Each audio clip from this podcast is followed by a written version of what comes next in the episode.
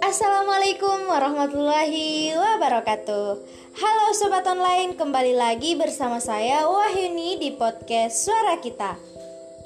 Sobat Online sekalian, kali ini saya ingin meluapkan kekhawatiran saya terhadap anak-anak yang suka merokok dan bahkan sudah menjadi perokok aktif. Sangat disayangkan bukan?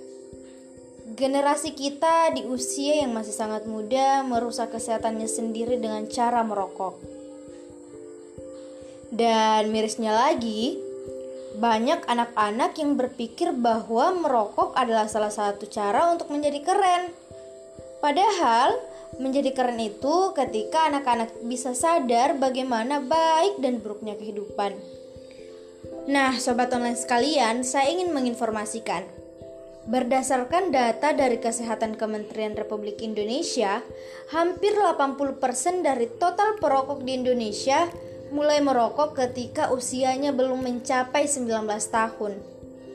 Kelompok usia yang paling banyak merokok di Indonesia adalah usia 15 sampai 19 tahun.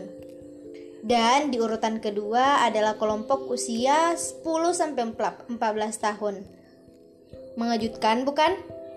Padahal usia tersebut masih tergolong kategori usia anak-anak saat tubuh masih membutuhkan berbagai hal penunjang untuk membantu memaksimalkan pertumbuhan. Kebiasaan merokok diketahui menyebabkan sebanyak 6 juta orang meninggal setiap tahunnya di dunia. Bahkan diperkirakan pada tahun 2030 angka kematian yang disebabkan oleh kebiasaan merokok mencapai 10 juta jiwa setiap tahunnya. Menurut WHO, Indonesia adalah negara ketiga dengan jumlah perokok terbesar di dunia setelah Cina dan juga India. Sangat disayangkan bukan ketika masalah ini, ini terus berlanjut. Dan tahu nggak sih teman-teman, data yang ditemukan dari riset kesehatan dasar Indonesia yang dilakukan pada tahun 2013 menemukan bahwa sebanyak 85% rumah tangga di Indonesia terpapar asap rokok. Dari perhitungan ini, diperkirakan sedikitnya ada 25 orang yang meninggal dunia akibat menjadi perokok pasif. Sedangkan angka kematian perokok aktif 8 kali lebih besar dari angka tersebut. Yah, sangat mengkhawatirkan memang teman-teman.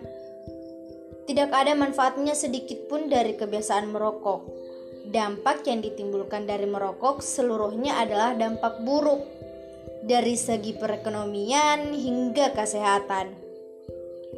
Salah satu penyakit yang paling banyak ditimbulkan akibat kebiasaan merokok adalah kanker paru-paru.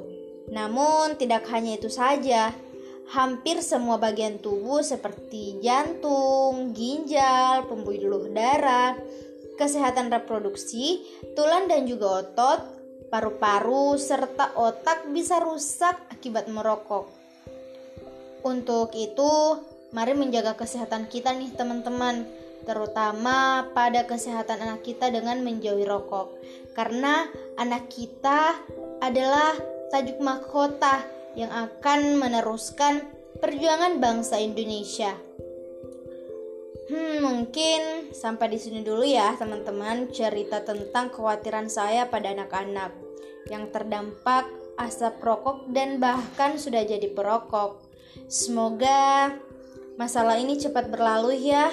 Semua perokok secepatnya bisa sadar kalau merokok itu membunuh kita, membunuh orang yang di sekeliling kita, keluarga, sahabat, maupun kerabat.